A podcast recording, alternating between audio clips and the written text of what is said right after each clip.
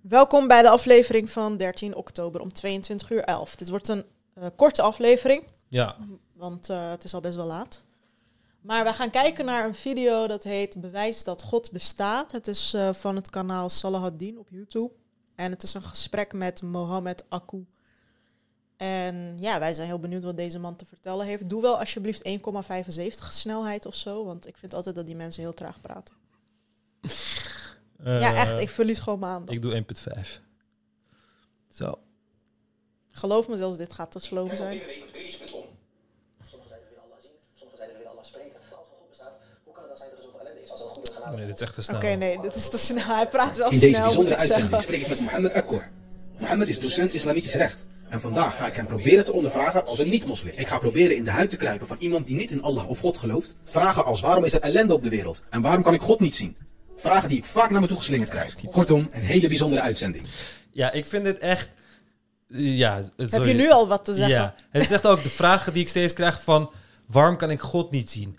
Ik heb nog nooit, gewoon nog nooit een ongelovige gehoord die zei van... Waarom kan ik God niet zien? Dit zijn echt Ja. van die redenen. Want het is dan ook van... Dan gaat hij niet in discussie met een atheïst die de juiste vraag geeft. Maar dan gaat hij in discussie met Salah Eddin... die dan gaat roleplayen als een atheïst... en dan de vragen gaat Een stellen die atheïst is niet zo heel moeilijk te vinden of zo in Ja, want Nederland. atheïsten vragen altijd... waarom kan ik God niet zien? Want ik geloof niet in God omdat ik hem niet kan zien. Echt zo'n raar. En hij zei nog een andere vraag. Waarom is er leed op de wereld? Ik weet nu al dat hij gaat zeggen beproeving en test. Want dat heb ik ook al heel mijn leven gehoord. Ja. En dat antwoord gaat nooit veranderen. ja. Nou, even kijken. Als ik eh, met niet-moslims spreek, ook in mijn serie waarin ik eh, met BN'ers spreek over de dood en tien aanmaals, weet je, dan, dan vraag ik ze van geloof je in een God, et cetera. En dan is heel vaak een antwoord van, ja, ehm, als er een God zou zijn, hoe kan ik dat zien? Of hoe kan, hoe, kan je, hoe kan je bewijzen dat er een God is? Of laat je God zich dan maar aan mij openbaren? Want ja, ik weet het niet of er een God bestaat, ik kan het niet aantonen. Ja. ja, dat is inderdaad een veelgestelde vraag. Om, om even een, een, een logisch vertrekpunt te nemen, Ja. ehm, wil ik vertrekken vanuit het atheïsme. Omdat veel mensen die bezwaar maken tegen het geloof in God. ehm, Kijk, hij gaat nu het atheïsme uitleggen... en hij gaat het compleet verkeerd uitleggen. Ik weet het nu al. eh, atheïstisch zijn. Ja. Eh, eh, onderzoek toont aan dat er, dat, dat er inmiddels een meerderheid is in Nederland die niet gelooft in God. Ehm, en veel gelovigen, eh, moslims, christenen, vinden het vaak eh, intimiderend om met een atheïst te praten. Veel gelovigen ervaren atheïsme als intimiderend. Ehm, voelen zich vaak minderwaardig of niet heel gesterkt in een gesprek met een atheïst. Ehm, en dat heeft te maken eh, eh, grotendeels met het feit dat eh, atheïsten vaak eh, een monopolie claimen op wetenschap en logica. Ja. Oh, Ik dacht me- echt dat hij me- wat slims ging zeggen. Dit maakt me zo boos. Dit maakt me zo Zij boos. hebben toch ook een monopolie op wetenschap? Ja, maar het, het, het betekent ook niks. Het is zo van monopolie... Kijk, wat betekent een monopolie? Monopolie is dat jij... Stel je voor, ik heb een monopolie op de snoep hier. Ja? Dan is alle snoep gewoon van mij. Maar een monopolie hebben op logica of de wetenschap... Er, dat bestaat niet. Nee. Dat kun je niet hebben. je, kan, gewoon bewijzen leveren Ja, waardoor je Je wetenschappelijk kan bezig correcte logica of correcte wetenschap of niet correcte eh, eh, eh, logica wetenschap. Dit is hetzelfde als dat hij zegt 2 plus 2 is 5. En, wij zeg- moeten dat maar accepteren. Ja, en ik zeg 2 plus 2 is 4. Kijk, want wiskunde. En dan zegt hij nee, maar jij claimt een monopolie op de wiskunde. Nee, dat is hoe wiskunde werkt. Dat is, er zijn logische regels, er zijn de wetenschappelijke methoden, er zijn wiskundige regels. En alles daarbuiten is gewoon geen logica. dat geen voldoet gewoon niet aan de wetten van de wetenschap. Ja, dus, dan om te claimen van oh, een monopolie. Op, het is zo'n het is zo'n domme kijkwijze, man. Jezus Christus. Waar moet je nou beginnen? Oh, gaat deze nu steeds zo... eh, oh. Geloof is vaak spro- eh, geloven in sprookjes, eh, onwetenschappelijk, eh, onlogisch, irrationeel. En atheïsme is wetenschappelijk onderbouwd, eh, logisch, spreekt het verstand aan. En deze gezagsverhouding zou je kunnen zeggen, maakt dat een gelovige zich vaak geïntimideerd voelt door het atheïsme. Het atheïsme is de overtuiging dat er geen God bestaat. Dat is ook niet waar. Atheïsme is de overtuiging dat er geen bewijs is voor het bestaan van God. Het is Ja. niet de overtuiging dat er geen God bestaat. Als ik A, eenhoorn ben, dan is het niet dat ik 100% bewijs heb dat er geen eenhoorn bestaat. Niemand kan claimen dat eenhoorns niet bestaan. Je kan alleen Ja. claimen dat er geen bewijs is voor het bestaan van eenhoorns. Dat is Ja. heel simpel. En er zijn veel simpel. meer agnosten dan atheïsten. En precies. En, Ik ken bijna geen en atheïsten. de meeste atheïsten zijn agnostische atheïsten. Want agnostische atheïsme valt onder atheïsme. Dat is waar het onder valt. Maar het hele idee, alsof atheïsme 100% zeker weten dat God bestaat. 100% zeker weten, dat kan je van helemaal niks. Kan je niet. Ja. Je kan het wel... Jij bent eigenlijk de enige atheïst die ik ken, want jij hebt in een podcast gezegd, ik weet zeker dat God niet Nee, bestaat. nee, nee, nee. Ik heb in een podcast gezegd, daar heb ik ook kritiekpunten op gekregen. Daar had ik een... Wacht, ik ga die comment vinden.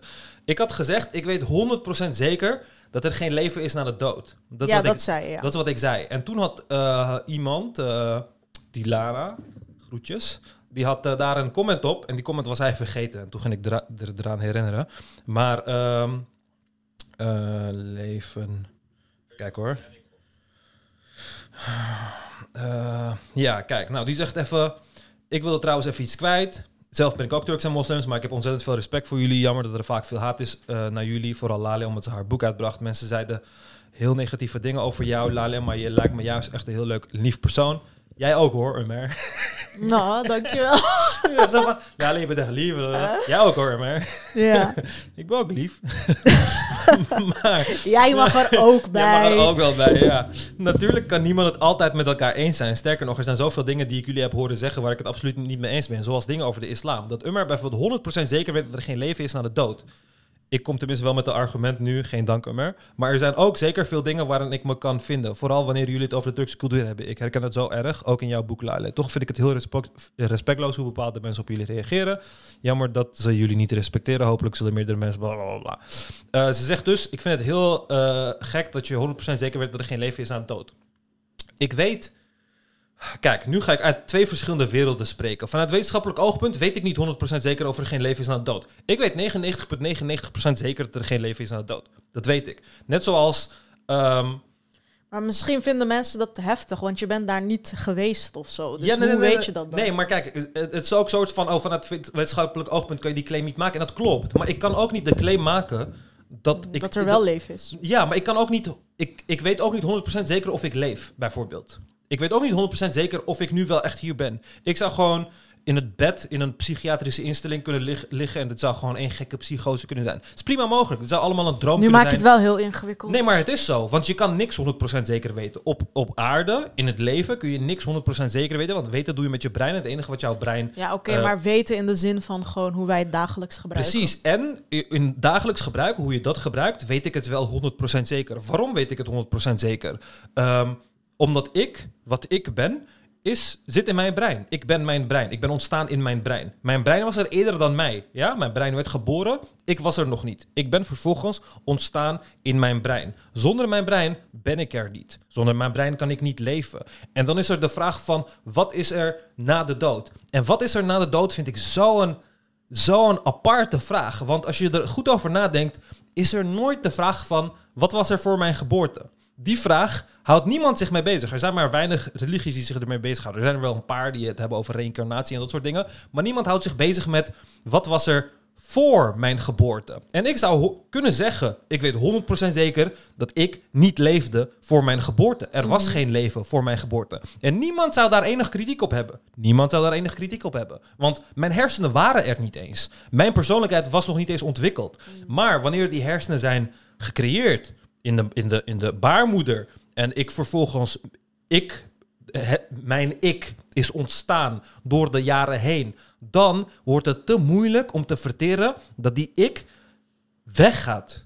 Het is heel moeilijk om te verteren dat het is ontstaan daar, ik, mijn persoonlijkheid is ontstaan, en dat nadat mijn hersenen drie meter onder de grond weg gaan rotten en er allemaal beesten in krioelen die lekker smullen van de oliën en eiwitten in mijn hersenen, dat ik daarna niet, niet ga bestaan, dat kunnen mensen niet verteren. Ja, dat is de hele reden dat de religies bestaan. Precies, dat is de hele reden dat religies bestaan. Dus net zoals dat ik 100% zeker weet dat er geen leven was voor mijn geboorte, weet ik ook 100% zeker dat er geen leven is na mijn dood. Want er is niet eens één kleine mogelijkheid die dat mogelijk zou maken. Want mijn hersenen zijn dan vernietigd en ik ben mijn hersenen. En net zoals Ja. niemand gek zou eh, kijken wanneer ik zeg van er is hier een vlieg en ik maak die vlieg zo dood. En dat ik dan zeg van deze vlieg is nu dood. En deze vlieg heeft geen leven na die dood. Dat weet ik 100% zeker. Dan zou niemand, maar dan ook niemand daar een probleem mee hebben. Maar wanneer het om de mens gaat, want jij weet dat je doodgaat. Je bent het enige dier op aarde dat weet dat hij doodgaat. En dat zorgt voor intense angsten in jouw onderbewustzijn. Waar je niet bewust van bent. Daarom Nee, het je maar- onderbewustzijn. En dan ga je dus allemaal dingen verzinnen. Van er is een leven na de dood. nee, en maar eh, religies zeggen ook, eh, die ontkennen niet dat je doodgaat. eh, maar religies zeggen, wij gaan ze resurrecten op de Ja, precies. En dat kan, van de. En dat kan dus niet, want ik zit in mijn hersenen. En dan, dan claim je eigenlijk dat er een backup is van mij. Er is een backup ja, als van God mij. dat wil, dan heeft hij die power Ja, om jou en- terug te resurrecten. Ja, maar daarom, en dat argument slaat dan nergens op. Want als ik gewoon een God kan verzinnen die alles kan, dan zou het net zo mogelijk moeten zijn dat er een leven is voor mijn geboorte. Want God kan Ja, alles. misschien is die er weer. Ja, en dan zou er net zoveel reden moeten zijn dat er een leven is na de dood voor die vlieg. En dat is het probleem. Al die dingen zul je nooit doen. Je zult alleen voor jouzelf doen. Want jij bent ontstaan, jij bent, ge- jij bent gecreëerd, jouw eh, persoonlijkheid is gecreëerd in jouw hersenen. Hè? Die heb jij gecreëerd Mhm. door te groeien en dat soort dingen.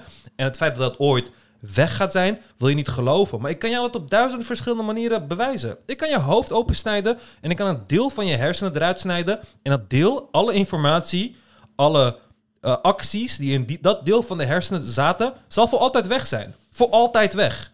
Altijd. Ja, maar ja, dat, dat is dus het verschil tussen gelovige en atheïst. Ja, Jij- precies. Dus ik, dus, ik, dus ik ken al die dingen dan. Ik weet dan als ik een deel van jouw hersenen uitsnij. Er is geen backup in, jou, in jouw ziel. Die is er niet. Het is nog nooit in de medische geschiedenis voorgekomen dat iets wat jij bent verloren door hersenschade. Je hebt letterlijk de helft van je hersenen verloren.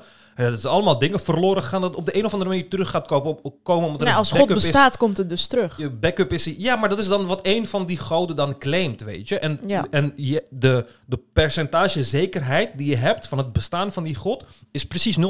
Ja, is precies 0%. Maar Dus ik kan heel makkelijk claimen dat ik 100% zeker weet dat er geen leven is na de dood. En de juiste term is eigenlijk dat ik 99,99% zeker weet dat eh, er geen leven is na de dood. Maar net zoals ik niet zeg dat ik 99% 9% zeker ben dat ik nu in deze studio zit met jou, dat ik gewoon zeg dat ik er 100% van zeker ben, omdat we gewoon in een normale wereld leven, kan ik dat ook zeggen. Daar is helemaal niks Ja. mis mee. Maar wat ik dus wou zeggen is, ik ken bijna geen atheïsten behalve jou, Ja. jij.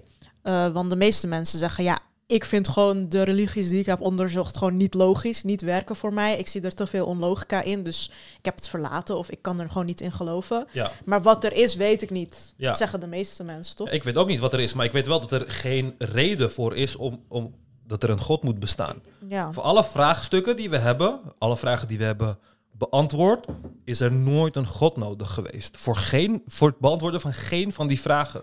Terwijl het was vroeger zo, hè? Het was van, oh ja, vroeger, de Arabieren wisten niet wat er in de hemel was. Dat wisten ze niet. Ze wisten niet wat er was als je buiten de dampkring van aarde komt. Iedereen was verondersteld dat je daar gewoon God hebt. Je gaat uit de lucht, je komt in de ruimte en dan is God daar. Iedereen dacht dat. Dat is wat iedereen dacht. Bliksems, aardbevingen, ziektes, kwam allemaal door God. Alles werd verklaard met God. Dingen gebeuren alleen maar omdat God wil dat ze gebeuren. Alles werd verklaard met God. We hebben al die dingen één voor één verklaard. En voor geen van die dingen is er een God nodig geweest. En nu, nu we dan bij bepaalde dingen komen, want je verklaart steeds nieuwe dingen, dan plaatst men steeds de God eh, daarvoor, zeg maar. Dat is gewoon wat er gebeurt. Je God wordt telkens ontkracht en telkens probeer je dan vast te houden, want die wilt een leven na de We dood. zitten pas twee minuten in deze video en hij duurt 40 minuten. Ja.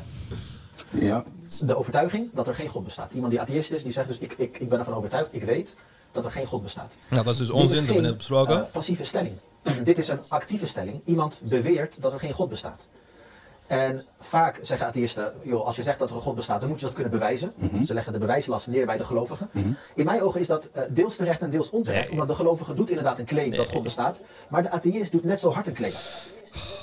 Oh my god, wat dom. Dit?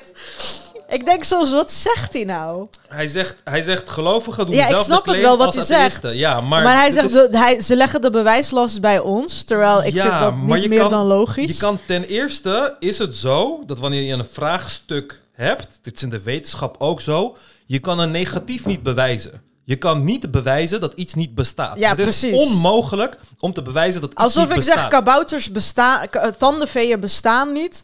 Oh, je legt de bewijslast bij mij, bewijs jij dan dat ze er niet zijn? Hoe moet ik bewijzen Ja, dat ze er niet precies. Ik zie Dus ze dat, toch dat niet? kan helemaal niet. Ja. Je kan een negatief niet bewijzen. En als je daar niet mee eens bent, dan kan ik gewoon zeggen dat er een groene draak is op mijn linkerschouder en jij kan hem niet zien. Jij kan hem niet zien, hij is er Ja, wel. maar nu leg je de bewijslast bij mij. Ja, precies. Dus, dus je ik kan vind niet- dat je een te actieve stelling neemt. ja, het is zo dom. Het is, nee, maar het is ook zo over... Want dit is wat het is elke een soort keer van gebeurt. goochelen met woorden. Is Goochelen. elke keer gebeurt. Deze Mohammed, kom alsjeblieft op. Ik heb hem een e-mail gestuurd, by the way. Kom alsjeblieft op de podcast. Hij gaat niet reageren. Ik weet dat hij niet gaat reageren. Maar kom gewoon op de podcast. Want deze mensen gaan dan met een andere moslim, gaan twee moslims met elkaar discussiëren over wat atheïsten denken en zijn en doen. En een complete Ja, maar- misrepresentatie. Ze, Natuurlijk doen ze dat. komen ze met zulke domme dingen. Denk en je dan- dat hij met Lubach gaat ja, maar praten? een moslim die dan hier naar kijkt, denkt van... Oh ja, man. Oh ja, echt goede punten. Ja, Terwijl ja. die kankerdomme onzin blert en je merkt het gewoon niet. Omdat je nul kennis hebt van atheïsme of van wetenschap of van logica en al die dingen.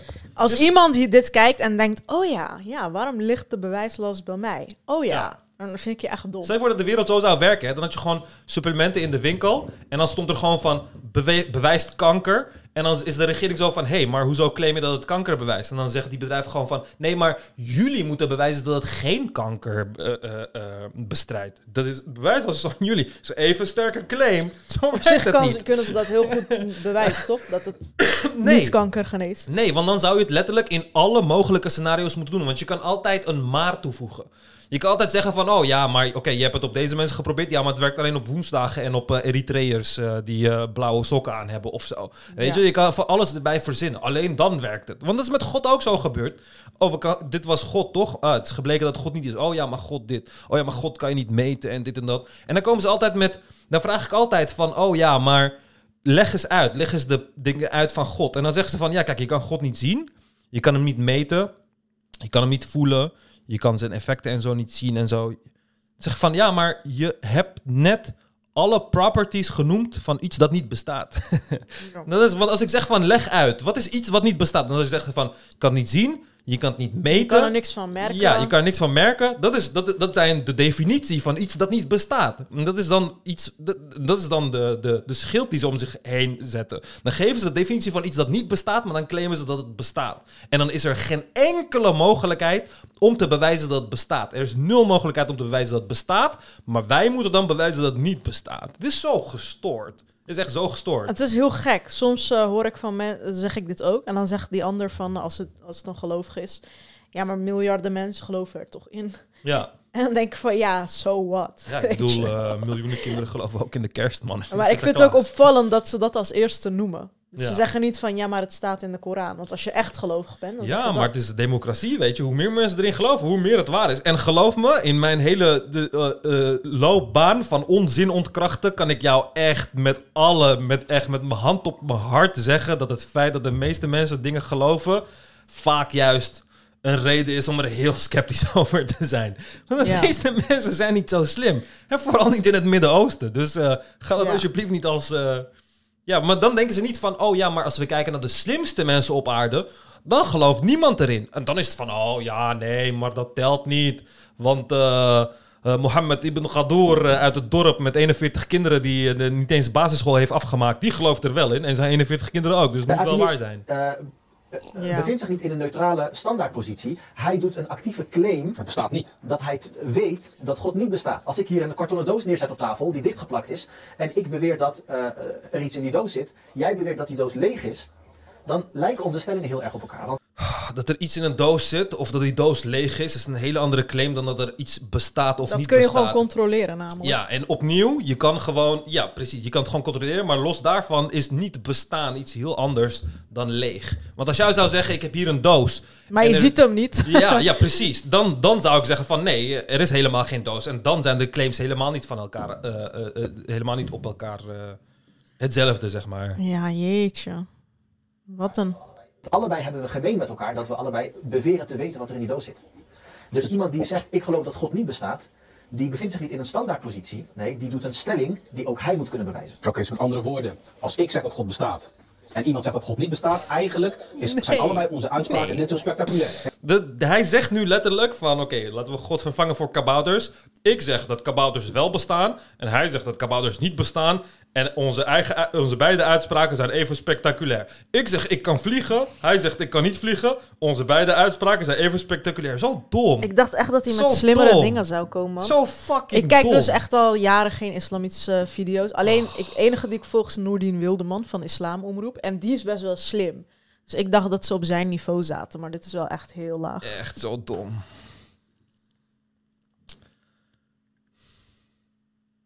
Dan gaat hij heel te vriezen zo. Waarom is internet hier slow? Ja, ik denk dat het komt omdat ik aan het opnemen ben. Ah, Ja, Amonaquim, ja. Jezus fucking Christus, man. Ah, hij bek, hij bek, hij bek. Drie... wij zijn pas op minuut drie. Ja, en we hebben dit, er gaat, al... dit, gaat nog, dit gaat nog lang duren, maar we gaan het niet de hele video doen. Ah, ja, ik ben benieuwd. Oh my god, kom op man. Jezus Christus, man. Kijk, als ik het niet ga opnemen, dan gaat het echt veel extra werk voor mij eh, Nee, snap ik. zijn. Wacht, misschien Nee, je moet het wel opnemen. Waarom is, waarom is mijn... Zijn allebei onze Oh. Exact. En allebei hebben bewijs nodig. Juist. Geen van beiden kan zich beroepen op de standaardpositie. De enige die dat zou kunnen is de agnost, die zegt ik weet niet of God bestaat. Want hij claimt geen kennis te hebben, hij claimt onwetendheid. Mhm. Ja. En onwetendheid atheïsme wel. Nu ga ik even in de huid kruipen van, Ja. van de critici, weet Ja. je, die, die ik vaak heb gesproken. En die zeggen dan gewoon van, ja, oké, ehm, als God dan bestaat, weet je, dat is maar waarom openbaart hij zich dan niet aan mij? Waarom laat hij, hallo, je, ik ben je? Dat zou het voor, voor mij veel, veel makkelijker maken, dan zou ik direct geloven. Door dat te zeggen suggereer jij dat de enige manier om te weten dat iets bestaat, het zien ervan is. Ik ga hier zo lijp van worden. Het zien ervan? Nee, Ja. het horen, het voelen, het merken. Ja, het de- meten, dat er een logische redenering Alsof het is alleen om ogen gaat. bestaan. Ja, maar dat is het. Kijk, en, en het is ook een rare vraag. Hij zegt van, als er een God bestaat, waarom openbaart hij zich niet? Dus waarom kan ik niet merken dat er een God bestaat? Ja, hele goede vraag. Ja, dat is een hele goede vraag. Want dan, dan moet die meetbaar zijn. Hè? Want eh, we weten van zoveel dingen dat ze bestaan zonder dat we ze zien. Van fucking veel dingen weten we dat ze bestaan zonder ze ooit maar ook gezien te hebben. Ja, hele simpele dingen, zoals de wetten van de natuur. Hoeven we niet te zien. We kunnen ze gewoon meten. We weten dat ze er zijn. We kunnen, ze gelijk we kunnen het gelijk van die wetten bewijzen. Ja. Maar hij, ver- hij verdraait die hele vraag naar dan... Ja, kijk, eigenlijk zeg je als je iets niet kan zien, dan kan je het niet geloven. En nu Dat gaat, hij met, vraag. nu gaat hij met een voorbeeld komen dat je denkt van... Ja. My god. Het kan. En dit is bij Het zou, voorbaat, het zou, het zou anders zijn. het zou makkelijk zijn. Ja. Dit is bij voorbaat een verkeerde aanname. En dit is ook, eh, ehm, Het is jouw verkeerde aanname. niemand is daar consequent in. Iedereen gelooft dingen die hij nooit gezien heeft. Ja, Dus om te beweren Jezus dat de enige Christus. manier om iets, het bestaan van iets te kunnen bepalen, is het waarnemen van het Kijk, hij zegt dan om dan te beweren dat het, zien, eh, dat het bestaan van iets afhankelijk is van het waarnemen van iets. Maar niemand heeft dat beweerd. Alleen jij hebt dat beweerd. Jij bent met die bewering gekomen en je ontkracht nu je eigen bewering. Ja. Het is zo, het is zo dom. zien ervan is per definitie een foute aanname. En niemand, par- eh, niemand past dat consistent toe, omdat iedereen gelooft in zaken die hij nooit gezien heeft. Ja? Is er dan geen bewijs of is er dan een ander bewijs dat God bestaat? Wel degelijk. Er is wel degelijk bewijs dat God bestaat. Alleen het is niet het empirische bewijs, het zichtbare bewijs, waar sommigen nou Empirisch bewijs betekent niet zichtbaar bewijs. Empirisch bewijs betekent meetbaar bewijs. En wat voor bewijs kun je nog meer hebben? Niet Ja. een bewijs moet bestaan. Als een Ja. bewijs niet bestaat, dan is het geen bewijs. is zo raar. op zoek zijn. Ehm, het bewijs dat God bestaat, vanuit de islam bekeken, eh, is tweeledig. Wij geloven dat alle mensen worden geboren met een fitra.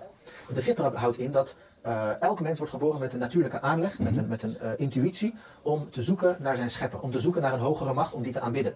Ja, dit is dus complete, complete onzin. Want de... Oh, het is zo dom.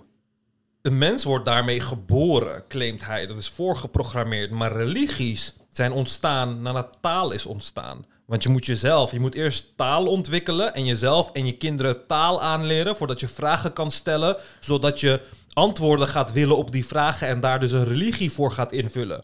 Maar als jij een kind in zijn natuurlijke omgeving laat opgroeien, een natuurlijk kind, een kind dat je gewoon in de oerwoud zet, die nooit naar school gaat, die nooit leert lezen, die nooit leert praten, die nooit een taal leert, dan zal die zich nooit, maar dan ook nooit afvragen of er een God is. Net zoals alle dieren zich dat niet afvragen. Want de reden waarom wij een God hebben verzonnen, is omdat we taal hebben ontwikkeld. En als je taal ontwikkelt, dan kun je vragen stellen. Dan kun je abstracte vragen en narratieven in je hoofd vormen. En dat zorgt ervoor dat jij vragen kan creëren waar je geen antwoord op hebt. En om die antwoord te creëren, creëer je vervolgens een God. Daarom gaat mijn kat nooit denken van hey, hoe komt het dat er een bliksem is? Want mijn kat heeft geen taal, die kan, dat niet oh, die, kan dat niet, die kan die vraag niet eh, eh, stellen. Net zoals de eerste mensen, toen er een bliksem was, dan deden ze gewoon... En dan gingen ze in de grot verschuilen. Ze vroegen zich niet af van waar de fuck kwam die bliksem vandaan. Pas toen ze taal hadden ontwikkeld. Iets wat ze is aangeleerd, waar ze niet mee zijn geboren. Ze zijn er niet mee geboren. Je wordt niet geboren met taal. Iemand moet het je aanleren. Het is niet inherent aan de mens. Ja. Pas dan ga je dingen claimen als...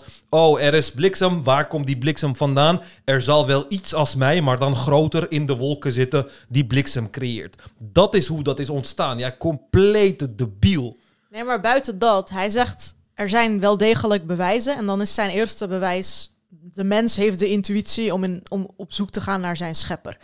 Ja, Dit is een ding, dit is dus geen bewijs. nee.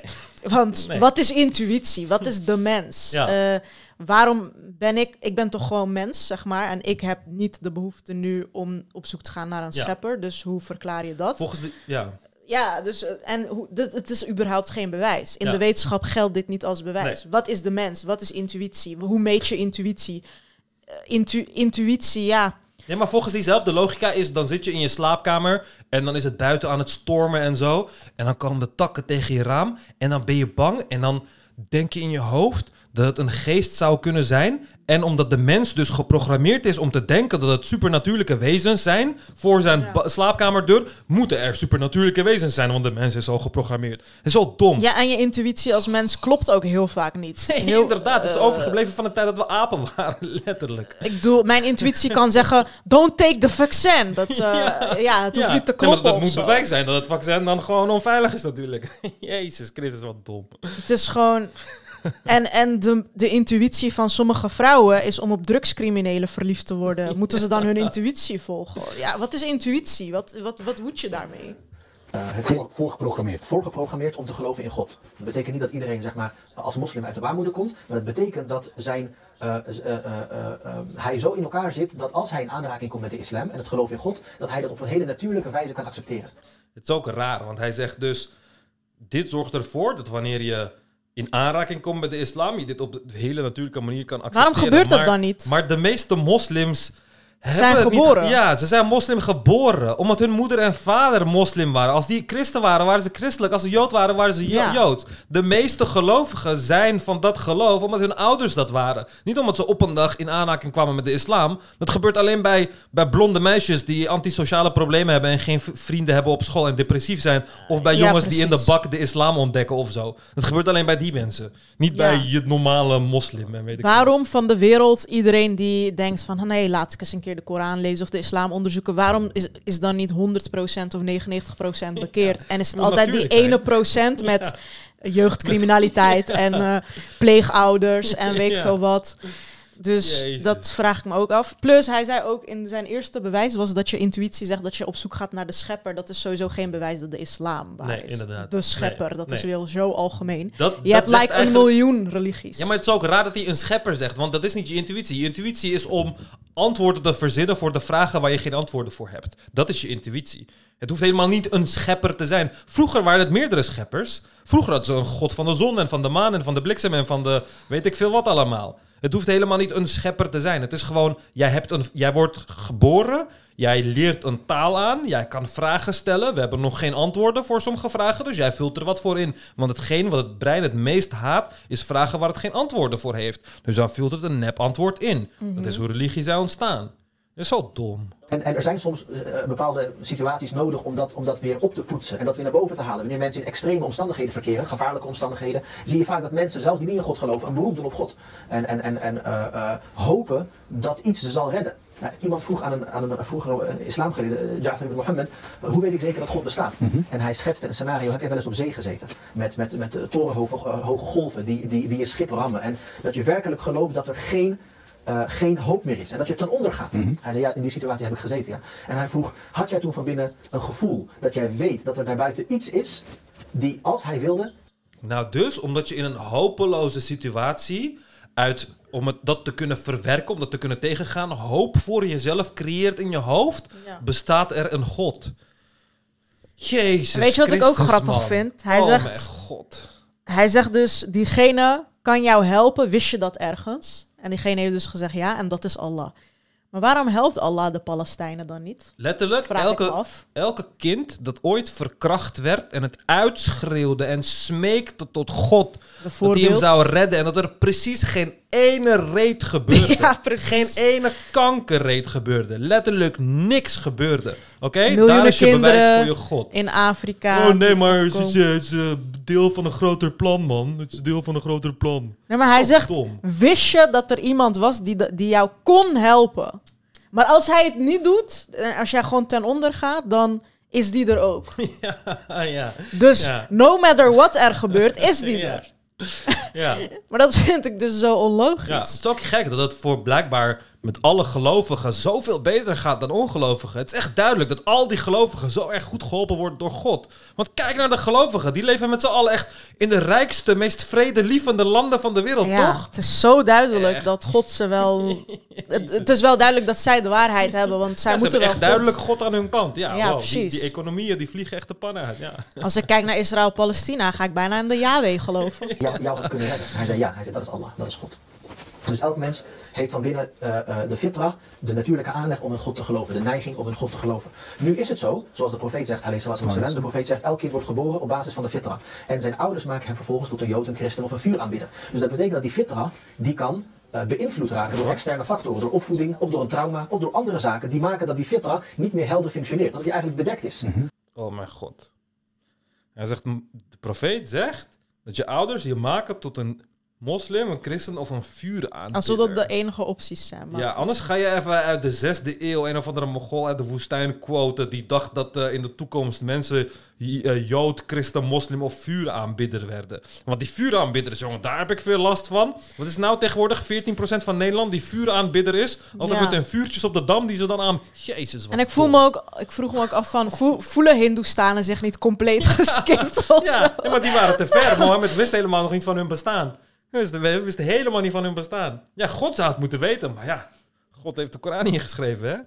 Waardoor hij niet meer eh, doet wat hij zou moeten doen. Dus je moet eigenlijk eh, de, de, de roetfilter, nieuwe filters, nieuwe de Exact. verschonen eigenlijk. Precies, exact. En daarom, eh, als die fitra eh, beschadigd is, dan zou het kunnen zijn dat Oh ja, dus als je door de fitra moslim wordt, dan functioneert die helder. Maar als je christen of jood of vuuraanbidder wordt, echt een populaire religie tegenwoordig, dan functioneert de fitra niet goed.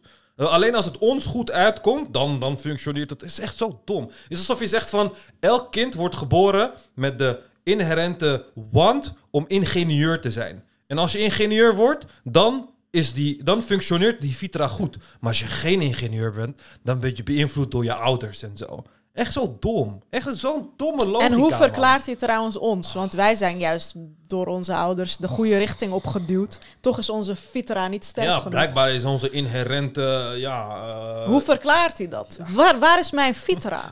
Waarom werkt hij niet? Ben ik ziek? Een rationeel argument niet gaat werken. Omdat de islam is, niet- de, islam is niet alleen maar een intellectuele religie. Het is een intellectuele religie en een spirituele religie. En die twee moeten altijd met elkaar corresponderen. En als dat niet werkt, dan ontstaat er ergens een knip in de kaap. Subhanallah, 99 van de 100 atheïsten komen met, vaak met dit argument van... Ja, ik geloof wel dat we een soort energie worden. Deze hoor ik heel vaak. Die is heel populair de laatste tijd. Dus ze denken, een soort van energie die, die, die, die naar boven gaat en we blijven. Hoe kan het dat ze, dat ze vaak allemaal op dit soort theorieën uitkomen? Want, het- Ja. want ook zij hebben hier geen bewijs voor. Ja. Er is misschien een energie, er is misschien een... Maar als je, het God, als je zegt God, dan, dan gaan alle deuren dicht. Precies. Ja, maar- eh, het lult gewoon uit het niets dat 99 van de 100 atheïsten Ik heb het nog nooit gehoord. Nog nooit gehoord ook. Ik heb wel van... eh, eh, ehm, ja, hoe heet het? Iets is me. Ja, dat soort dingen. Eh, Of, of zeg maar eh, theïsten die niet geloven in een god die iets doet op, de, op aarde of zo. Die denken dan dat ze het zullen veranderen in Oh ja, en zo. deïsme heet dat. Het klopt. Als je doodgaat, ehm verander je in energie. Dat klopt. Eh, mijn lichaam zal rotten en dat zal zich omtoveren in ehm warmte-energie. De, de grond waar ik in begraven ben, ietsje zal verwarmen. En dan gaat dat op in de rest van de warmte van de aarde. En ja, dat is het. Dat is de energie tot wat ik zal worden, zeg maar. Maar het hele idee dat 99% is ook zo raar, jongen. Het is zo raar dat twee moslims met bij elkaar gaan Ja, Maar zelfs als 99 van de 100 atheïsten dat zeggen, hè, wat niet gewoon zo is, maar zelfs al zeggen ze dat, wat zegt dat? Ja, maar hij zegt dit gewoon valselijk. Hij zegt, ja, atheïsten geloven wel in een energie die dan naar boven gaat en zo. Hij zit gewoon de ziel uit te leggen, maar dan vo- voegt hij er energie aan toe. Om dan de claim te wekken van dat atheïsten bijna op het goede pad zijn. Maar dat ze gewoon niet inzien dat, de energie eigenlijk de ziel is en zo, weet je. Hoe, hoe kan dat? Dit, dit komt door twee dingen. Ten eerste eh, laat het alleen maar zien dat er intern die drive is om te zoeken naar een hogere macht. Dit bewijst alleen maar het concept van de fitra.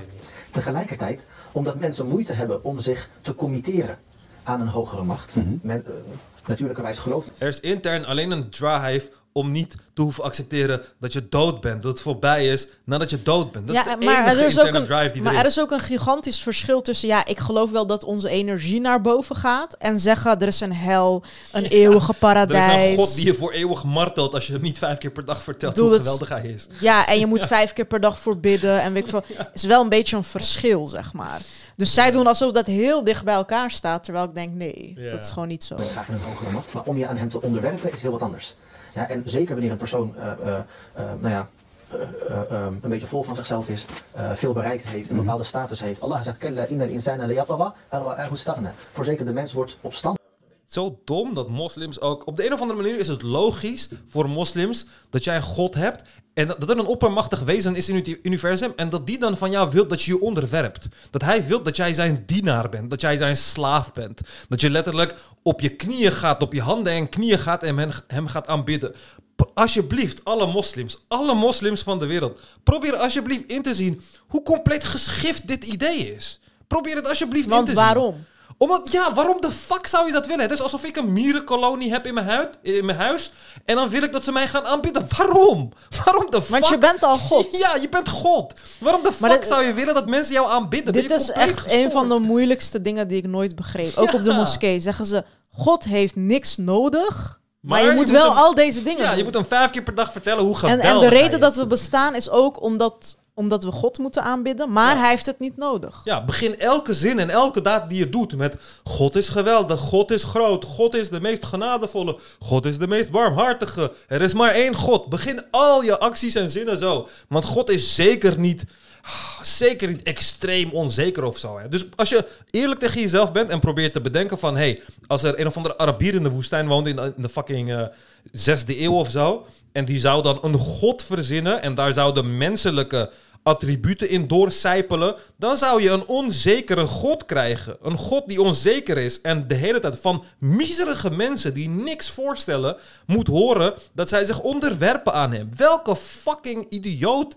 van een oppermachtig wezen zou dat ooit doen? Zou dat ooit doen, letterlijk? Dat is een letterlijk menselijke eigenschap. Een onzekere menselijke eigenschap. Is zo raar. Ik vond het dus ook raar, want een keer ging mijn soort van moskeejuf ging dan boeddhisten soort van dissen. Ze van ja, zo belachelijk geloof, dan gaan ze eten op een altaar zetten. Terwijl, waar, waar doe, wa- wat is het doel van dat eten? Dat kan je beter aan armen geven en dan zit dat daar gewoon weg Ja. te rotten. Ik weet niet over welke religies, ik weet ook niet of dit boeddhisten doen, Ja, maar ja. zij had het daarover. Toen zei ze van, kijk hoe belachelijk. En dat allemaal omdat ze islam niet willen accepteren. Maar wij doen hetzelfde. Anders loop je even rondjes om een eh, gigantische kubus en dan ga je kiezels gooien tegen een steen. En dan denken dat je de duivel aan het stenigen bent. ja. Nee, maar kijk, die altaar heeft geen eten nodig. Mensen brengen eten, dat rot vervolgens weg. Zij Ja. doen het, want zij geloven dat God dat van hun wilt. Wij bidden, vasten, dit, dat. We houden ons aan allemaal regels. Waarom? Omdat we geloven dat God dat van ons Ja. vraagt, maar hij heeft het niet nodig. Het is hetzelfde principe, maar ze Ja. zien niet in dat het hetzelfde is. ja, inderdaad. Op het, op, het, op het moment dat hij ziet dat hij eh, zelfvoorzienend geworden is. Dus je, eh, en, en, en, en daarom is een verklaring waarbij, je in de- waarbij er inderdaad een hogere macht is, maar die niet concreet is en die niet leidt tot concreet het hoeven veranderen van je leven. Dat willen ze niet. Dat Maar wanneer was, wanneer was de mens niet zelfvoorzienend dan? Wanneer had de mens God nodig om te overleven? Heeft God ooit ons voorzien van water en eten en onderdak en weet ik veel wat allemaal? De mens was Ik altijd niet echt wat hij. Ja, hij zegt, in de Koran staat dat. In de Koran staat van, zodra de mens inziet dat hij voor zichzelf kan zorgen, dan gaat hij inzien dat hij God niet nodig heeft. En dan, niet, eh, dan gaat hij denken dat hij God niet nodig heeft en niet meer geloven in God. Maar wanneer is Maar- het anders geweest? ja, omdat ze dat denken. Ze denken dat vroeger, toen Adam en Eva woonden, dan kwam deed God zo van: hé hey, jongens, hier eten. En daar een boompje en daar een vruchtje en weet ik veel wat allemaal. Ja. Maar zo werkt dat niet. Wij hebben die dingen gecreëerd. Is de ideale oplossing. Dus wel een hogere, in een hogere macht kunnen geloven, maar zonder dat het leidt tot het hoeven veranderen van je leven. Eh, dat er een, bepaalde, een bepaald systeem of een wetgeving of, of, een, of een ethiek eh, eh, daarmee gepaard gaat, die bepaalt hoe jij je leven moet leiden. Maar dat zullen ze altijd ontkennen. En daarom is die tussenweg een vage energie of iets dergelijks. Kijk, dit zou ik nog, dit zou ik nog begrijpen, hè? een wetgeving en ethiek. Ik zou nog begrijpen als er een God was en die zegt van, yo, dit zijn de regels, niet vermoorden, niet verkrachten, niet stelen. Dat zijn de De regels. tien geboden zijn dat toch? Ja, bijvoorbeeld. Ik zou dat nog compleet begrijpen. Maar het hele idee van aanbidding en verwerping en dienen.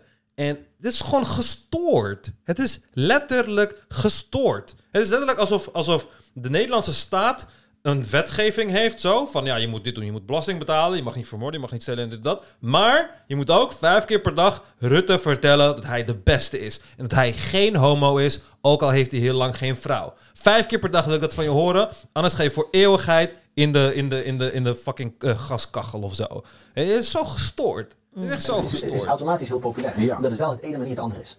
Ja, dus, dus eigenlijk eh, eh, lossen ze daarmee een probleem op. Exact. De fitra stillen ze, Juist. maar tegelijkertijd er is weer een ander probleem. Ja, dat is dom. Hij zegt dus, mensen zijn niet moslim omdat ze eigenlijk een god willen waarbij ze zich niet hoeven te onderwerpen. Nee. Als mensen zouden geloven, daadwerkelijk zouden... We weten heel goed dat als je daadwerkelijk gelooft in een god, dat je met alle plezier je kontje elke dag in de lucht piert om, eh, om je te laten penetreren door je godje, zeg maar. Dat doe je met alle plezier. Doen al die moslims met alle plezier. Helemaal geen probleem mee. Vijf keer per dag, midden in de nacht wakker worden om te gaan bidden en weet ik veel wat allemaal. Het is helemaal onzin dat mensen daarom niet religieus zijn. Mensen zijn niet religieus om hele andere re- redenen. Namelijk dat ze gewoon inzien dat het fucking absurd is. Dat het absurd is dat er een oppermachtige wezen is die wiens kontje de hele dag moet likken. Omdat die anders onzeker wordt en je in de hel gaat gooien. Nee, ik denk dat de grootste reden waarom mensen niet geloven is omdat ze heel veel onlogische dingen of Ja. tegenstrijd met elkaar eh, tegenkomen. En je hebt een keer in de podcast gezegd, kijk, ik wou best geloven, maar dan moest er wel iets in de Koran staan waar, waarvan ik denk, oh ja, dit is wel echt iets wat je niet kon weten. Mhm. Of dit is wel echt een wonder. Of dit is zo wetenschappelijk. Ja, dit konden ze nooit weten en zo. Maar dat staat er niet. Dat staat er niet. En alle dingen die geclaimd worden, die zijn gewoon nep, fake. En Mhm. Alle klopt, religies klopt gewoon niet. Ja, precies. Dus er staat niks in waaruit je kan halen van... oké, dit is wel echt een wonder. Of dit kon echt in die tijd niet geweten worden. Of dit is wel echt bijzonder dat dit erin staat. Ja.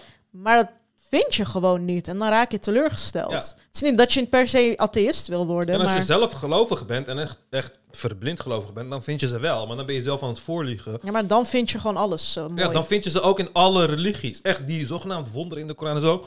Jongen, sla de Veda's open. Weet je wat voor wonderen er in de Veda's slaan? 2000 jaar voor de Koran. 2000 jaar voor de Koran. Veel betere beschrijvingen van alles wat de Koran beschrijft. Is het daarom waar? Nee. Al die religieuze mensen kunnen in al hun eigen religieuze stromingen genoeg wonderen en bewijzen en weet ik veel wat bestaan. Maar het heet gewoon confirmation bias. Dat is gewoon jouw religie. Dus alles Ja, maar je kan dat ook vinden in het boek van Socrates of ja, Aristoteles. precies. Je kan het in al die dingen vinden, inderdaad. Die hebben ook allerlei wijsheden gestrooid die nog Hmm. steeds gelden. Van ja, wees niet hoogmoedig, want hoogmoed komt voor de val. Ja. Ja, dat kon ook in de Bijbel staan. Ja, Ja. het zijn gewoon van die standaard menselijke dingen. Die Ja, maar al als het in de Koran duizenden stond, dan was het van... Oh ja, maar kijk hoe wijs God is. En weet ik veel wat. Dan had het allemaal zo'n speciale betekenis en zo. Maar ja. Ja, precies.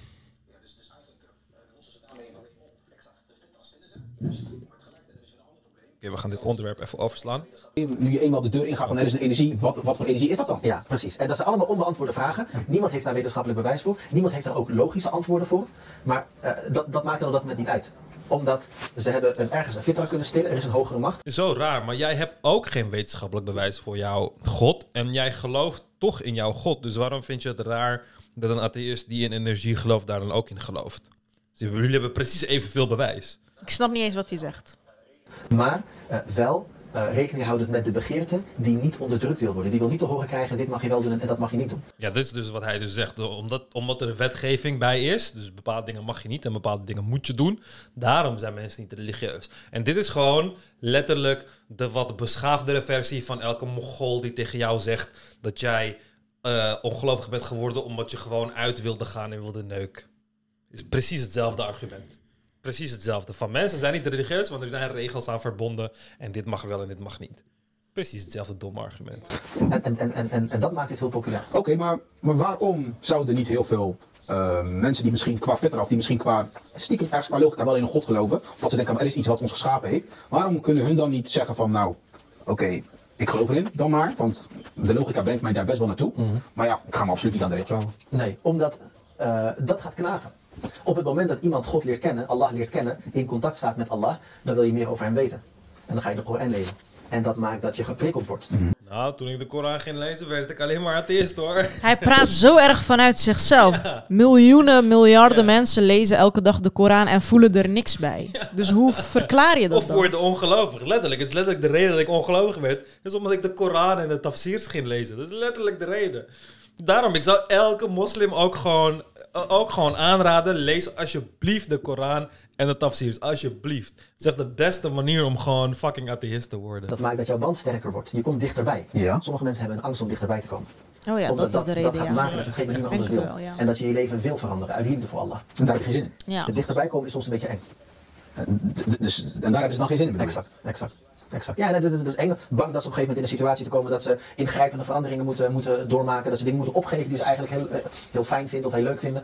Eh, dus, dus, dus angst voor het onbekende misschien wel. Angst om iets te moeten veranderen. En, en, en ja, eh, angst om dichtbij te komen. En, en om het misschien echt eh, in, in, op intensere wijze te voelen. Oké, maar heel veel zeggen ook tegen mij gewoon van ja, eh, laat God komt dan naar beneden. Zeg van hallo hier ben Het, een beetje, het geeft mij, de dingen die hij zegt, geeft me ook een beetje rapey vibes, zeg maar. Geeft me een beetje vibes van een eh, sex criminal of zo. Hij zegt gewoon van, Dichtbij komen is soms eng. Ja, precies. Een soort van, je wilt het eigenlijk wel, maar je bent gewoon bang voor de veranderingen die er gaat komen en zo. Maar eigenlijk wil je het wel en weet ik veel wat allemaal. Het is heel raar. Of zo'n dat- Ik pedofiel. heb nog nooit gehoord van iemand. Dit is echt de perfecte manier om onzekere moslims die twijfelen te pakken daarmee. En ze dan te Nee, maar zeg maar, van- de zin dichtbij komen is eng en je wordt door je angst tegengehouden, kun je letterlijk voor elke situatie Ja. toepassen. Ja, precies. Nou, daarom is het Letterlijk een hele elke. manipulatieve uitspraak, ja. Eh, als iemand eh, op straat tegen mij zegt, hier, geef maar een aaitje over mijn piemel. Is niet eng. ja. Ja, waarom Ja. ze... Ja, Ja, is maar een aaitje. Ja. Ja, ik weet niet. Dan, dan, dan, zijn, dan, dan is het probleem opgelost, dan geloven we. Ja, kijk, de grap is dat heel veel mensen dit hebben gezegd tegen eerdere profeten die gestuurd zijn door Allah. ja, ze, eh, heel veel vroegen om tekenen, heel veel vroegen om duidelijkheid. Sommigen zeiden we willen Allah zien, sommigen zeiden we willen Allah spreken. Anderen zeiden laat Allah dan de maan eh, eh, in tweeën splijten. Anderen zeiden laat Allah deze bergen dan in goud veranderen. En iedereen die een wonder gekregen heeft, van diegenen die om een wonder vroegen en die het gekregen heeft, eh, die hebben dat, die, die hebben Het is dus compleet verzonnen onzin. Welk gewoon. wonder? Waar heeft hij het Ja, nou, maar de- er kijk, volgens de Koran, dit gaan echt veel moslims ook altijd zeggen, volgens de Koran heeft God al die religies die je op aarde hebt, al die verschillende religies en zo, die zijn allemaal gekomen van eerdere profeten die God heeft gestuurd, oké? Ja. God, die alles weet. God weet alles, hij weet de toekomst en het verleden. Die stuurt, die probeert duizend keer hetzelfde te bereiken en het lukt hem maar niet. En dan denkt hij, oh, ik stuur Mohammed op het laatst of zo. Dat is dan wat deze mensen geloven dat een al- almachtige, alwetende God zou doen. Maar eh, in de Koran staat dus ook dat al die vorige profeten kwamen met wonderen. En hij zegt dus, en dat zegt de Koran ook, dat, dat Allah ze dan een wonder gaf, zoals een berg in goud veranderen. Jezus Christus, wat dom.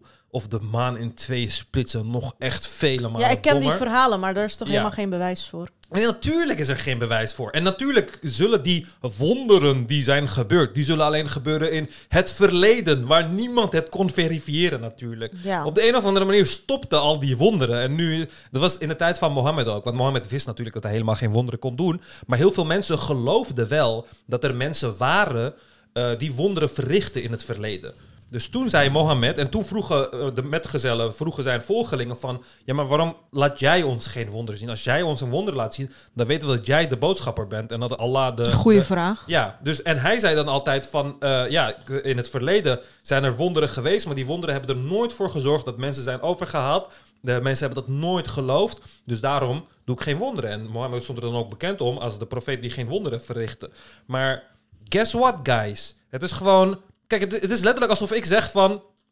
Ik heb, maar ik kan toch ook zeggen, ik heb in het verleden een berg in goud veranderd. Precies, precies, maar dat is Maar- het ook. Je kan leugens maken over het verleden. Je kan zeggen van ik heb gevlogen van Los Angeles naar Shanghai in 1986. Die claim kan ik gewoon maken, want je kan het niet verifiëren. En als ik dan zeg van ja, maar nu ga ik niet meer vliegen. Want de vorige keer dat ik ging vliegen, dacht iedereen dat ik gek was. Dus nu ga ik het niet meer doen. Het is zo dom en het is zo kinderachtig. En je gaat dit alleen maar geloven en aan jezelf laten slikken wanneer je bent geboren in deze religie. Iedereen die hier van buitenaf naar kijkt, ziet hoe dom het is. Net zoals jij als moslim het zo dom vindt dat een boeddhist of een hindoe of whatever allemaal rare dingen doet. Maar als je erin bent geboren, dan ga je al deze dingen aan jezelf laten slikken. Waarom? Want je bent erin geboren. Weet je wat ik ook nooit snap van geloof? Dit was het tweede punt wat ik nooit heb begrepen. Buiten zeg maar de reden dat we bestaan en aanbidden en zo. er staat heel vaak in de Koran, eh, ja, we hebben profeten gestuurd, maar ze weigerden te geloven. Want de mens is geneigd tot dit en dit. En Adam en Eva, Eva heeft de appel ge- gegeten, terwijl het niet mocht. Ja. Maar waarom, waarom heeft God dan die mensen zo gecreëerd, Ja, waar hij hij- vervolgens zelf over klaagt? ja, en hij wist al dat het zou gebeuren. Ja, precies. allemaal. Dus het is toch geen surprise Het- ja, dan? daarom. Want dat, de mensen volgen toch gewoon hun aard, hun wie ze zijn. En het is ook raar om er dan boos, om dan boos te worden op de mens daarop. Om, om te zeggen Ja, dat ze iets precies. Zie je wel, gedaan. ze geloven Maar- niet, ondanks dat we... Ja, dat staat heel vaak in de Koran. Precies, maar hij wist al dat ze dat zouden doen. Nog voordat hij dat had gedaan, wist hij Dus al dat de mensen de dat zouden doen. surprise? Dus het feit juist dat God het heeft doorgezet, terwijl hij al wist wat het product zou zijn, wat de uitkomst zou zijn, dat maakt de foutieve in deze kwestie God. Het is letterlijk van, als ik dit hier zet, weet ik, nee, als ik, als ik dit hier zet, weet ik 100% dat jij er straks op gaat staan en pijn gaat krijgen in je voet. Ik weet het 100%, oké? Ik ga dat daar laten. En straks, Ja. als jij erop staat, ga ik je uitschelden hoe dom je bent. Ja, dat, dat, is, dat is letterlijk wat je dan zegt. Precies. Dan ben ik de klootzak. Ik Ja. wil dit van hier weg te halen. Of je moet het- geloven in een vrije wil van de mens. Ja, maar daar geloven ze ook niet in. Ja, maar je kan ook niet in een vrije wil geloven als tegelijkertijd Allah alles weet. Als Allah alles weet, dan kan er geen vrije en wil zijn. ik heb ook heel vaak geleerd, je boek is al geschreven, toch? Ja, ja hoe, je, hoe je leven ja, gaat verlopen. Ja, God Maar weet als ik er toch al geen invloed op heb, wat is dan mijn schuld? Ik Ja, snap maar het daarom, maar en dat is het hele barbaarse eraan. En het komt ook om, omdat mensen vroeger, in de tijd van de profeet, niet beseften wat deze dingen betekenen. Het is net als voor eeuwigheid branden. Mensen beseffen nooit wat eeuwigheid betekent. En in de Mohammedse tijd begrepen ze het helemaal niet. Ze dachten gewoon, ietsje langer dan 100 jaar is waarschijnlijk eeuwigheid of zo. Maar Ja. iemand voor in de eeuwigheid laten branden, er bestaat niks meer evil. Er bestaat geen grotere straf die je kan bedenken. Er bestaat geen kwaadaardigere Er is straf. geen verlossing van niks. Ja, er van een dood is er nog... er is- Van een guillotine is er nog verlossing. Precies. Als je zou moeten bedenken, als je iets zou moeten verzinnen wat het meest kwaadaardige op aarde is, dan is het eeuwige marteling. En dat is waar jouw God, wie als naam heeft de genadevolle en de barmhartige, die heeft dat als, eh, als ja, achterdeur nummer twee. Wanneer, je hem niet, eh, wanneer je niet eh, hem wilt aanbidden, zeg maar. Het is zo- zo gestoord. Het is echt gestoord. Maar geloven moslims nou in de vrije wil? Nee, dus nee, eigenlijk geloven. Ja, nee, maar ze want- geloven wel in een vrije wil en tegelijkertijd niet... Want Kijk- God is wel almachtig en hij heeft ons gecreëerd. Ja, maar hij heeft ons wel op een manier gecreëerd waarbij we wel- geneigd zijn om... Ik heb hier ooit een hele discussie met mijn ouders om gehad. En de logica klopte sowieso echt. Ze werden boos op mij, omdat ik duidelijk maakte dat... Dus het was zo van... Zei ik van, oké, hebben wij vrije wil? Zei ze, ja, we hebben vrije wil. Zei ik van, ja, maar God weet alles toch, wat er gaat gebeuren? Zei ze, ja. Oké, maar dan hebben we geen vrije wil.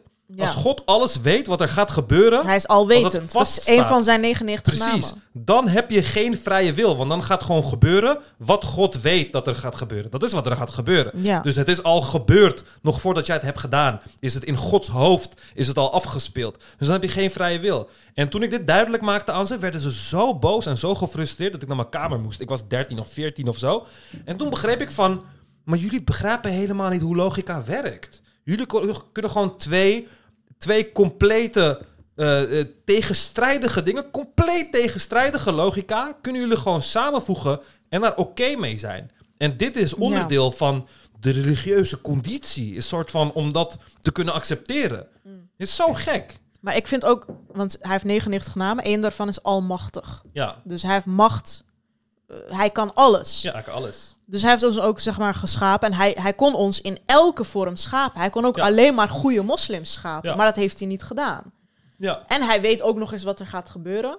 Ja. Dus hoezo ben jij guilty als je dan... Ja, maar is met al die dingen zo. Want hij schaapt Adam. En dan eh, gaat een van de engelen, die wil niet buigen voor Adam. En een van die engelen verandert dan in de duivel en zo. En dan gaat die hele ding met de duivel van de maar waarom duivel. creëert hij dan de duivel? Ja, maar, dit- maar los daarvan, dan, je wist dat deze dingen zouden gebeuren. Want Allah komt de hele tijd tot surprises van... Oh, ik heb deze tuin gecreëerd. Oh nee, Eva heeft de appel gebeten. Maar je wist het. Je wist alles en waarom, al. waarom is de duivel gecreëerd? Heb jij een antwoord daarop? Ja, je wist alles al. waarom al bestaat de shaitaan? Ja, maar daarom, het idee is ook dat ze dan een wedstrijdje gaan doen... van Allah gaat dan mensen de hemel in proberen te En lokken. dat is dan allemaal een test. En de, ja, en de duivel gaat dan eh, eh, de, de mensen in de hel proberen te lokken. Maar nog voordat jij hieraan begint, weet jij al de uitkomst. Want je bent al wetend. Maar- Dus waar slaat dit op? Oké, dus ehm, sommige mensen worden zwak geschapen... waardoor ze niet in Allah gaan geloven... Ja. en foute dingen gaan doen en zondigen Ja, en dit en dat. aan doen, hè? Want God wist Ja, al. precies, want hij heeft jou op die manier geschapen. En dan word je ook nog eens met een eeuwige hel gestraft Ja. terwijl je zwak bent geschapen. Maar er zijn zoveel van die onlogische dingen. Want het is ook zo van, het is ook van ehm, dingen gebeuren alleen als Allah ze wilt. Dat is zo. Dingen gebeuren alleen Ja. als Allah ze Ja, wil. inshallah. Ja, dus waarom zou je ooit boos worden op dat er iets slechts gebeurt? Als Allah het niet wilde, was het niet gebeurd, toch? Ja, precies. Allah was oppermachtig. Waarom ben je boos dat Israël eh, Palestina aan het bo- eh, bombarderen is? ja. Als Allah het niet Allah wilde, heeft het goedgekeurd. was het precies, precies. En daarin merk je ook dat het niet helemaal klopt. De, de overtuiging dat dingen alleen gebeuren als Allah ze willen, dat geloven moslims niet. Echt, anders zou je niet boos worden om dingen. Als iets gebeurt, als je dochter hoer wordt of zo, zou je gewoon zeggen, ah, inshallah, dat is, wat God wilde. Ja, dat zou of je, je, moet geloven dat God alleen geschapen heeft en verder geen En dit invloed zie, je ook, heeft. dit zie je ook in de hadith. In de hadith zegt, eh, vragen bijvoorbeeld bepaalde metgezellen aan de profeet van... hey, als ik slaven vrouwen aan het neuken ben, mag ik dan, ehm, mag ik dan eh, pull-out met het doen? Mag ik voor, voor het zingen de kerk uit? Ja. En de profeet zei eh, altijd van, het maakt niet uit, want eh, je gaat het, als God wil dat een kind wordt geboren, dan kun jij dat niet tegenhouden. Of eh, eh, dan kun je dat niet tegenhouden. Jij kan het niet voorkomen. Als God wil dat een kind wordt geboren, dan wordt die geboren. En tuurlijk kan je dit zeggen met de pull-out method die niet echt precies werkt. Want soms denk je, want dat, dat, dat is wat die Arabieren dachten. Die dachten van, hé, hey, ik heb hem eruit gehaald, maar toch is mijn vrouw zwanger. Dus God heeft me een kind gegeven. Dan is het wel van, hé, hey, alleen als God wilt wordt een kind geboren. Maar als het om abortus gaat, dan mag je opeens geen abortus doen. Hé, maar ik dacht dat God bepaalde of een kind wordt geboren of niet. Dan zou abortus niet uitmaken. Dan kan ik gewoon die hele embryo eruit zuigen en dan z- tovert God er zo weer een embryo in, toch? Maar dan, daar, daar is Gods magie blijkbaar niet krachtig genoeg voor.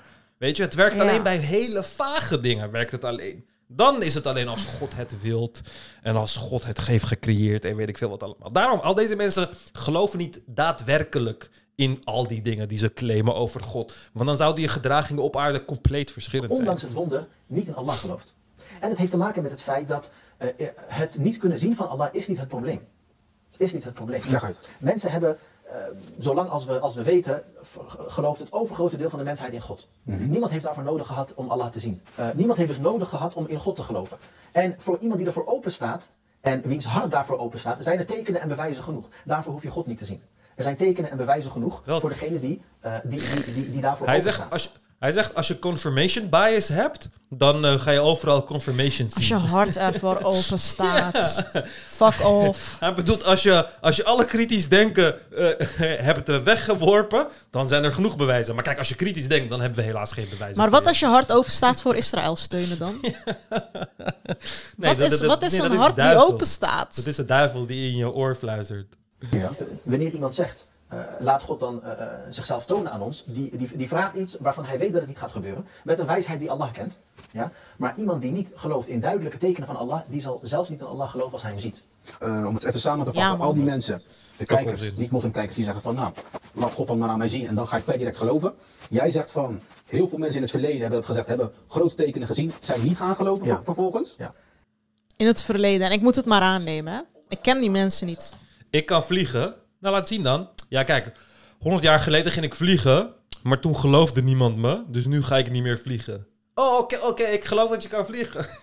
Precies Ja. die logica. Ik heb niks te maken met mensen in het verleden. Als ik God wel zie, ga ik sowieso geloven. Het is zo makkelijk. Ja, maar het is ook een domme logica. Want als God zichzelf laat zien, gaan mensen gewoon in God geloven. Dat is gewoon Ja. overduidelijke logica. Tuurlijk ga je Dus dat doen. Het is zo dom. Het is een soort van... Oh, Je bent een idioot als je dan niet gelooft. Ja, natuurlijk. Natuurlijk. Ja, en maar dan komen ze met, ja, maar vroeger hebben mensen ook niet geloofd. Ja, dan zegt hij van, ja kijk, vroeger hebben we wonderen laten zien. Vroeger, hè? Vroeger. Je kan niet verifiëren. En wat heb ik te maken met die Dan mensen? denk ik van, oké, één wonder. Eén wonderland. Gewoon één wonder. Kom, één wondertje maar. Maak één bergje voor de helft goud. Hij hoeft niet eens helemaal. Kom. Echt Jongen, ik hoef geen berg van goud. Echt Voor mij zou iets heel simpels al... eh, Ja, tover een vlam uit je vinger of zo, weet je? Doe iets. Doe iets. Echt Nou, ik ben even klaar met deze video eigenlijk. Ja, wacht, Maar nog een leuk stukje. Als het hart niet wil geloven, zal het niet geloven. Al laat God zichzelf zien. Dan zal hij zeggen, ja, maar dat is God niet. Ja, nee, ik zie hem wel, maar dat is God niet, zal hij zeggen.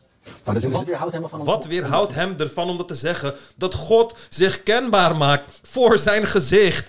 En duidelijk maakt dat het God is. Nou, maar hij zegt ook, Oh. als God zichzelf zou zaten, zouden er mensen niet geloven. Maar hij doet dit als een soort vaststaande feit. Dus ja. hoe komt hij daar Nee, dan maar bij? hij heeft dit gewoon puur verzonnen, omdat hij geen ander antwoord kan vinden voor... Oh, waarom openbaart God? Terwijl er Maar is het ooit zijn. eerder gebeurd? En dat, nee. Ja, Oh, hij, nee. hij beweert dan van Nee, wel, zijn maar wonderen. Hij heeft wonderen. God heeft wonderen laten zien, zeg maar. dat is ook niet hetzelfde als dat God zichzelf laat zien Maar natuurlijk. het is ook een hele rare logica. Het is zeg maar dat ik zeg van, hey, ja, ik heb hier een polypapi in mijn hand, man. Dat je zegt van, nee, ik geloof niet dat je polypapi... En dan zet ik hem hier.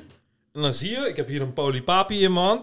En dan zeg jij van, nee, ik weiger dat te geloven. Daar is er niks. Dat is geen polypapi. Dat is geen logica. Niemand doet dat. Letterlijk, niemand doet dat. Niemand was ooit zo van, die is in Parijs gekomen en die denkt van... Nee, Parijs bestaat niet. Ik geloof niet dat dit Parijs is Nee. of zo. Dat, het is zo maar hij brengt het alsof het een feit is. Ja. Maar dan zullen ze nu zeggen, ja, maar jij kan het niet van mij denken. Nu, als ik God nu zou zien, dan geloof Nee, ik. maar goed, dit weten we uit ervaring. Welke ervaring? Wa- op wat heb je net... Op welke Uit ervaring wat in de Koran staat. ja. Maar wij geloven daar niet in. Ja. Dus eh, ja, Oh my god. Ja, kijk, echt als je, bizar. Als je met je toverstaf ehm, eh, eh, iets wilt laten zweven, dan moet je Lengardium Leviosa zeggen. En dat weet ik uit ervaring. Ik heb het niet in Harry Potter gelezen of zo. Ik weet het uit ervaring. Het is zo dom. De psychologie van de mens zit zo, dat als hij, zit zo in elkaar dat als hij het niet wil geloven, zal hij het niet geloven. En hij zal een uitweg proberen te vinden om te verklaren waarom hij niet hoeft te geloven. Dus stel je voor dat, ehm, dat, er, er- dat er een geloof zou zijn, dat God een geloof had gezonden naar de mensen. Van ik besta, maar je mag doen en laten wat je wil. En je hoeft niet mij te aanbidden en je doen, doen en laten wat je wil. Dan zouden ze sneller God accepteren? Oh, 100%. Ja, 100%.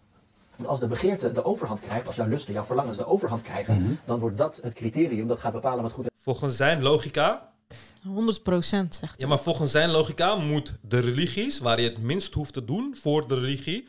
Christendom hoef je veel minder te doen voor de religie. Die zou de hele je- wereld moeten Ja, domineren. die zouden veel, veel, veel populairder moeten zijn. Vol- Volgens zijn 100% logica. Heeft God die religies niet heen gezonden dan? Fatouman? Echt een, echt een schmiecht. Slecht is, en dan weet je hoe laat het is. Dus als ik zeg van, voor, er komt een geloof naar mij toe en die zegt van je mag geen alcohol meer drinken. En je mag niet meer met vrouwen omgaan, ik noem maar iets. En mijn begeerte die wil het heel graag. Dan, dan oké, God bestaat niet. Dat is 100% een, een, een, een sterke motivatie om het bestaan van God te ontkennen. Ja. Oh, absoluut. Als het gaat om het bestaan van God, eh, kijk, eh, het is vrij recht toe recht aan. Het universum heeft een begin. Hier komt het. En alles wat een begin heeft, wat ooit ontstaan is, terwijl het, terwijl het er daarvoor niet was, eh, heeft een oorzaak. Alles wat eh, is beginnen te bestaan, heeft een oorzaak. Waarom heeft God geen oorzaak? Hoe, waar komt het, u- waar komt het universum vandaan? Goed, iemand zou kunnen zeggen, ja, dat is de oerknal. Oké, waar komt de oerknal vandaan? En voor de oerknal was het hele universum, eh, zeggen wetenschappers, was zo groot als een, als een sinaasappel. Dit bewijst, dit bewijst het feit dat hij claimt dat voor de oerknal was het universum even groot als een sinaasappel. Dit bewijst dat hij geen idee heeft van wat de oerknal is. Oké, los daarvan spreekt hij zichzelf tegen. Hij zegt: Het universum is gecreëerd do- door de oerknal, maar voor de oerknal was het universum even groot als een sinaasappel. Maar de oerknal heeft het universum gecreëerd. Dus hoe kan er een universum zijn voor de oerknal? Hij heeft ooit twee documentaires of zo over de Big Bang gezien. Namelijk dat toen de Big Bang ontstond, dat was, een, dat was eerst een heel klein deel. En dat werd dan steeds groter. Hè? Het universum was eerst gewoon gecomprimeerd tot een enkele puntje. En dat, werd dan, dat ging zich uitdijen. Dat werd dan steeds groter en groter en groter. En er was een deel dat het universum even groot was als een sinaasappel.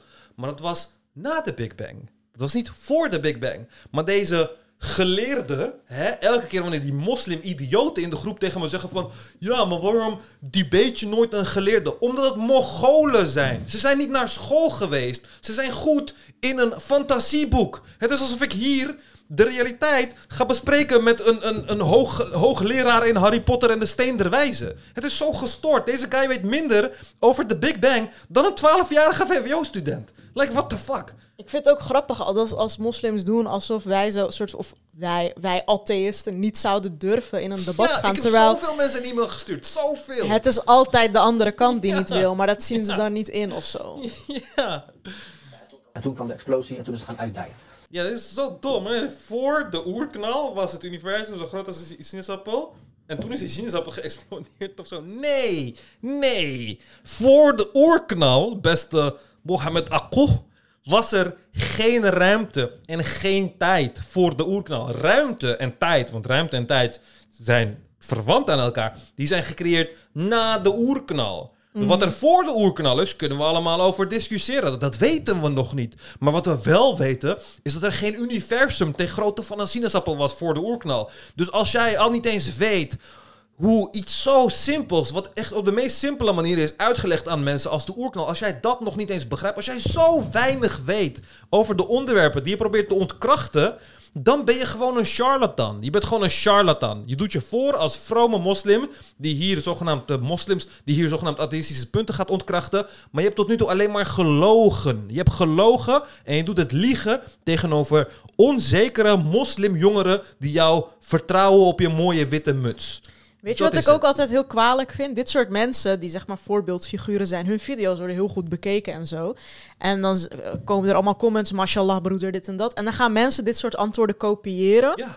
En ik zag dat dan heel vaak, zeg maar, in de Albert Heijn of ik, bij collega's en zo, want ik werkte bij de Albert Heijn, gaan ze dat dan bijvoorbeeld in discussies met Nederlanders gebruiken. Ja. En die Nederlanders kijken dan echt aan Alsof van... je fucking dom bent. Ja, gewoon, gewoon, die kijken echt gewoon alsof ze water zien branden van, heb je dit nou echt gezegd. Weet je Dit wel? is exact hetzelfde als wat er gebeurt met mij in de coronapandemie. Dat mensen dan kankerdomme argumenten op YouTube vinden. Zo van, oh, maar SARS-virus is heel klein, dus hoe kan een masker het tegenhouden? Zo'n kankerdom argument precies. zien ze op YouTube en dan denken ze van zichzelf. Want besef van jezelf dat je dom bent. Besef dat. Hoeveel weet jij over de Big Bang? Geen reet. Dus deze man kan jou alles wijsmaken over de Big Bang. Oké? Dan hoor je dat en dan denk je, oh, dit is een goed argument. Maar wie vindt het een goed argument? Jij die dom is. En dan ga je vervolgens dit domme argument die jij slim vindt aan iemand presenteren die deze shit wel begrijpt. En dan gaat die je aankijken alsof je een fucking aap bent. Ja, maar ben in hun hoofd zeggen ze dan iets heel slims. Ja. En dan denken ze nog Ja. van, hoe kun je nu niet bekeren, zeg maar. En dan, Het is echt zo van, als mensen van apen komen, waarom zijn er dan nog apen? Zo'n domme vraag. Echt zo van, je bewijst ermee gewoon dat je het niet begrijpt. Je bewijst En- ermee dat je kennis echt extreem ontoereikend is. ja, ik, ik had dus ook altijd in de klas, want ik zat dus in een klas met 100% moslims. En dan gingen ze altijd die leraren debaten over dit soort dingen. En dan zeiden ze precies dingen die bij Salah ad-Din en zo was geweest. Ja. Gewoon exacte kopieën. En dan gingen die leraren daar niet eens op in, omdat ze denken, oh mijn god, hoe, waar moet ik even, where do I even begin, Ja, zeg maar. En dan is zo van, oh ja, zie je wel. Ja, hij wil het gewoon Ze niet geloven. het niet. Ja, dat stond in de Koran. Sommige mensen die sluiten hun hart er gewoon voor. Ja. ja. Eh, waar komt die sinaasappel vandaan? Ja? Waar komt die sinaasappel? Er is geen sinaasappel. er is geen fucking sinaasappel. Je, Jus die d'orange. Deze man heeft gewoon verzonnen dat de universum even groot is als een sinaasappel voor de Big Bang. En dan waar komt die sinaasappel vandaan? Eh, dus uiteindelijk, als je terugredeneert, en sommigen zeggen dan ja, nee, die is gecreëerd door een andere, andere universum, een ander Een heelal, multiversum of zo. dat daarvoor is ontstaan. Prima. Stel dat ik met je meega het hele treintje terug naar achteren. Ja, moet een begin zijn. Uiteindelijk is er een begin geweest. Dat is Ja. Er is wetenschappelijk consensus dat eh, het universum een begin heeft. Dus ehm, eh, het universum, het heelal, heeft een begin. Hoe is dat begin ontstaan? Waar komt het vandaan? Als je rationeel zeg maar, een, een, een lijstje opmaakt, zijn er drie mogelijkheden hoe het zou kunnen ontstaan. Of het is uit zichzelf ontstaan, of het heeft zichzelf geschapen, of het is geschapen door iets externs. Oké, dit is dus zo compleet geschift. Want hij zegt dus, oké, er is iets. Er zijn maar drie mogelijkheden. Of het is uit zichzelf ontstaan, of het is uit het niets ontstaan, of het is geschapen door iets externs. Niks, maar dan ook niks op aarde, waarvan ik zou afvragen waar het vandaan komt. Laten we zeggen een palmboom, ja? Waar komt een palmboom vandaan? Heeft het zichzelf geschapen? Nee. Is het uit zichzelf geschapen? Nee, uit het Is het niets. gescha- geschapen uit het externs? Nee, geen van die drie antwoorden. Hij zegt, er zijn maar drie mogelijke antwoorden. Geen van die drie antwoorden beantwoordt ook maar iets van wat er bestaat op aarde.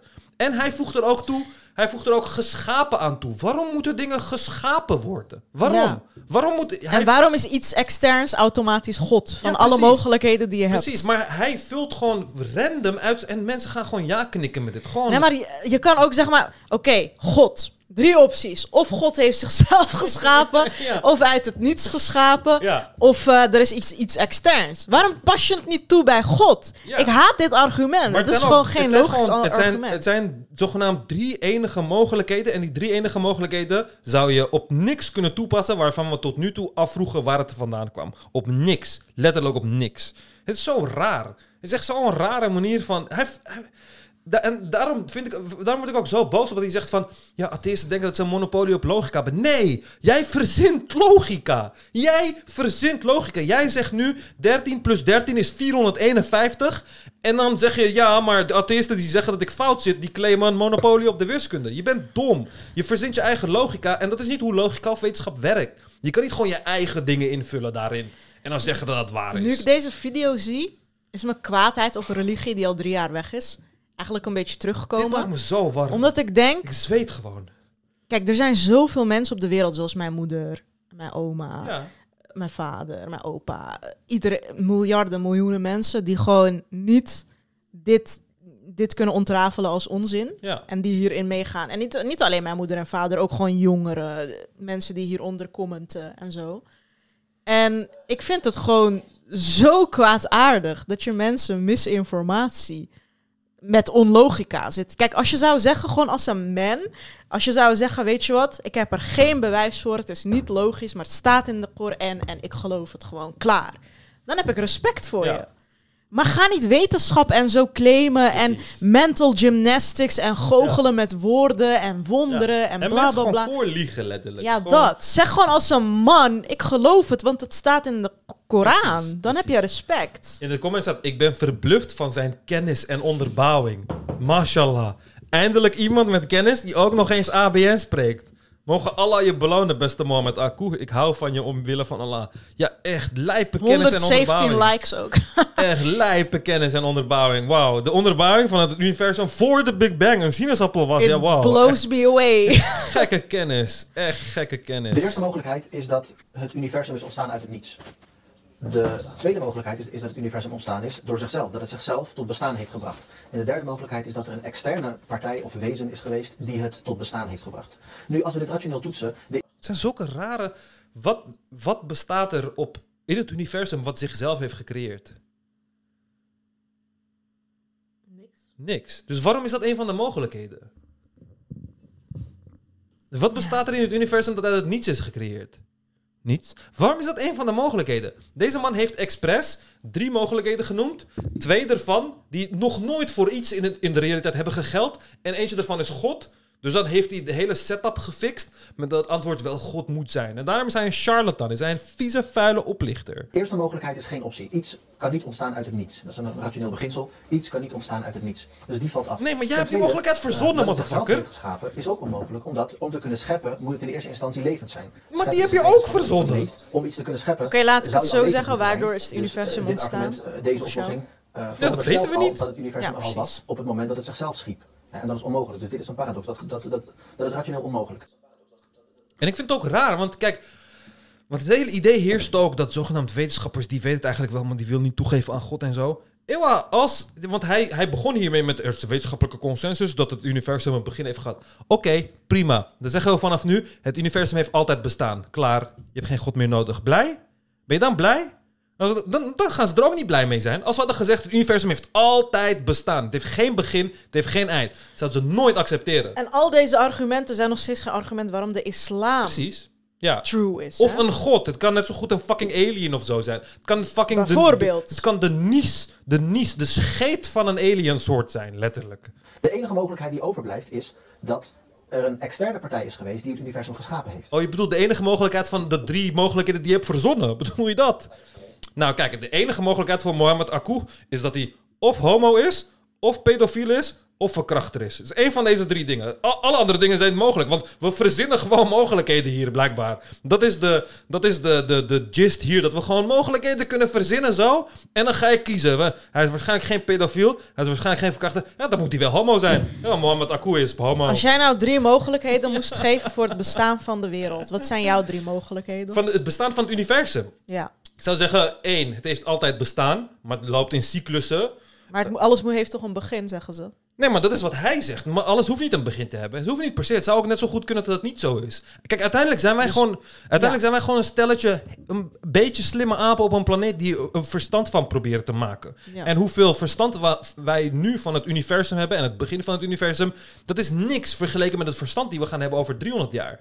Kijk, duizend jaar geleden vroegen we ons af... wat er buiten de lucht was. We wisten niet dat er de ruimte was en allemaal ja, dat soort precies. dingen. Ons denken is beperkt. Precies, dus dat, en dat in gaat in zich alleen onze maar... logica moet alles een begin hebben. Maar het hele idee dat de grens nu... Kijk, voor duizenden jaren lag de grens daar, bij de hemel. Je kon gewoon niet verder kijken dan dat. We hadden geen raketten, we hadden geen telescopen, we hadden niks. Het was beperkt daar. En nu is onze visie beperkt tot de Big Bang. Maar dat wil niet zeggen dat het daar ophoudt of zo.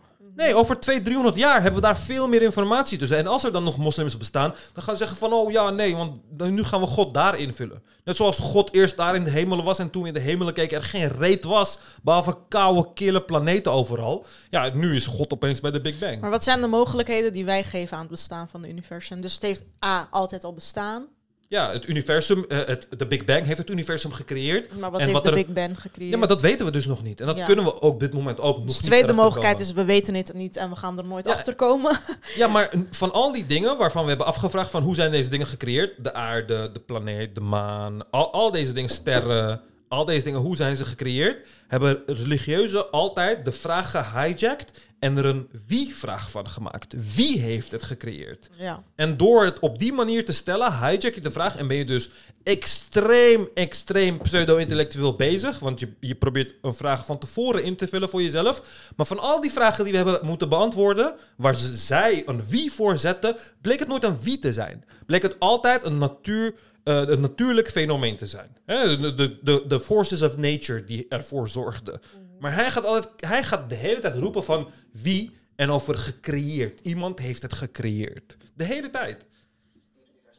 Nu, daarin hebben we twee opties. Of het is een externe partij die zelf ook geschapen is.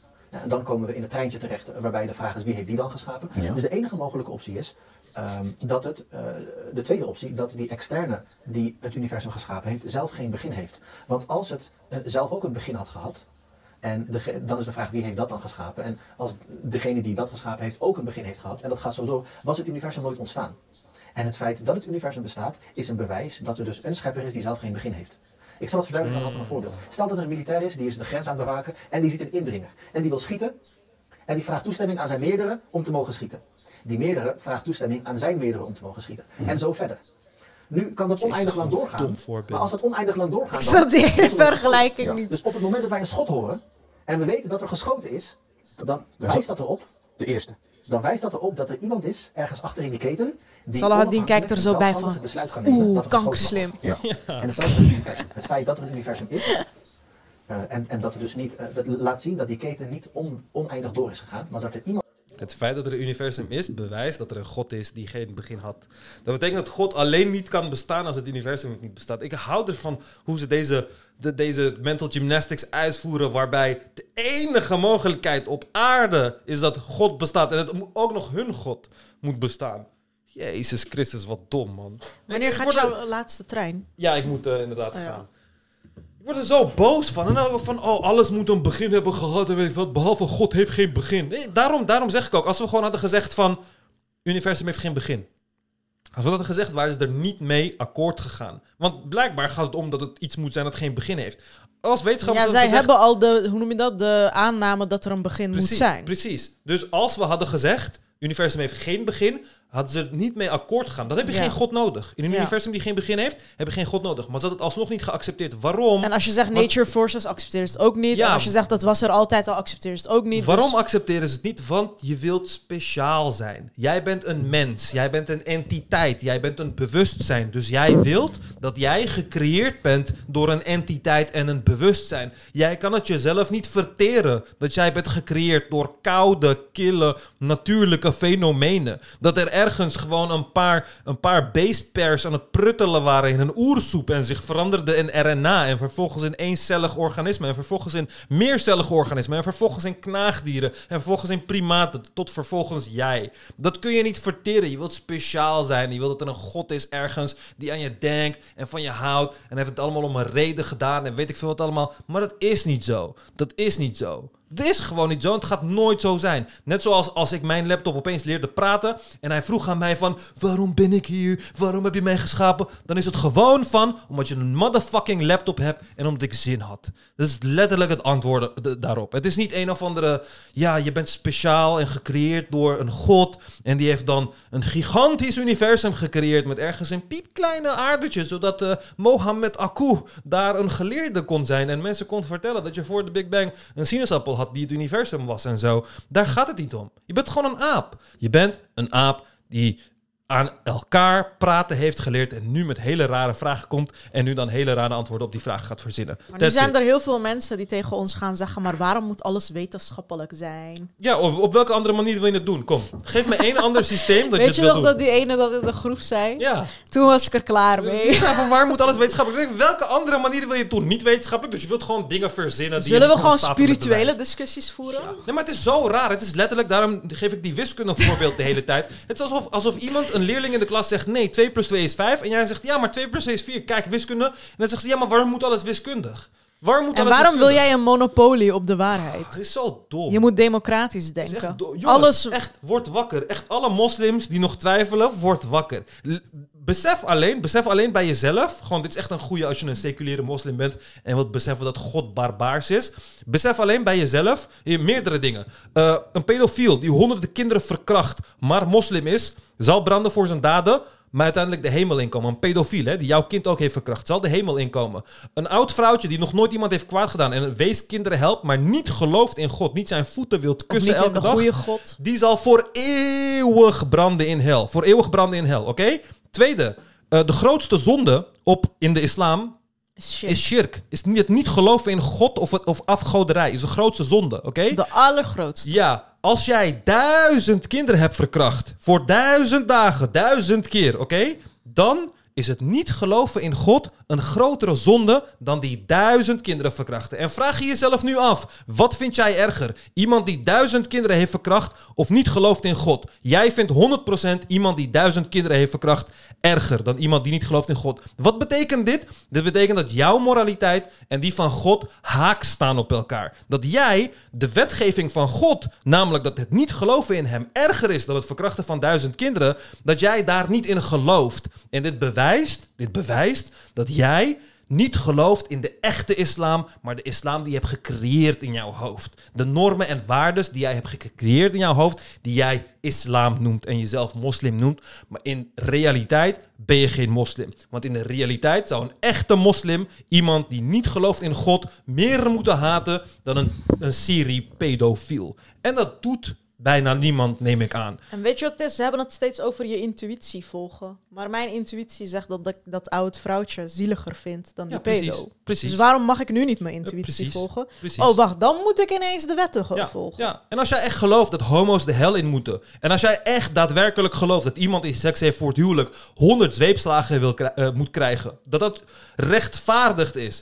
Pas als je die dingen gelooft. En vreemd gaan stenigen. Precies, vreemdgaan is stenigen. Letterlijk, stenigen tot de dood, oké? Pas als jij die dingen gelooft, noem jezelf dan moslim. Als jij die dingen niet gelooft, als jij bij al die dingen een vies gevoel in je maag krijgt, van dit is onmenselijk, dan gefeliciteerd. Je bent al ongelovig. Je hoeft het alleen nog aan jezelf toe te geven. En met een paar jaren zal je dat ook wel leren. Of niet? Ja, nou, eh, ik heb genoeg eh, geschreeuwd om deze door mensen. Ik moet naar huis, ik moet mijn trein pakken. Als God het wil, dan eh, zal ik mijn trein halen. Vergeet geen donateur te worden. Dan kun je ook in de donateurschat. Is heel gezellig. Kost maar 5 euro in de maand. Ja. Koffie bij Starbucks is duurder. Ja. Eh, daarmee steun je Ummer ook. Hij eh, stopt heel veel tijd in het editen te- van deze video's. En, En mijn eh, bloeddruk. Van al dit geschreeuw ga ik gewoon veel korter leven. Ik lever gewoon gezonde Precies. levensjaren in. Precies. dus word alsjeblieft donateur als je deze video's waardeert. Dan heb je ook toegang tot extra content, kookshows, extra podcasts. En ook tot de donateurschat en onze dankbaarheid. Tot de Ja, volgende keer. Tot de volgende keer.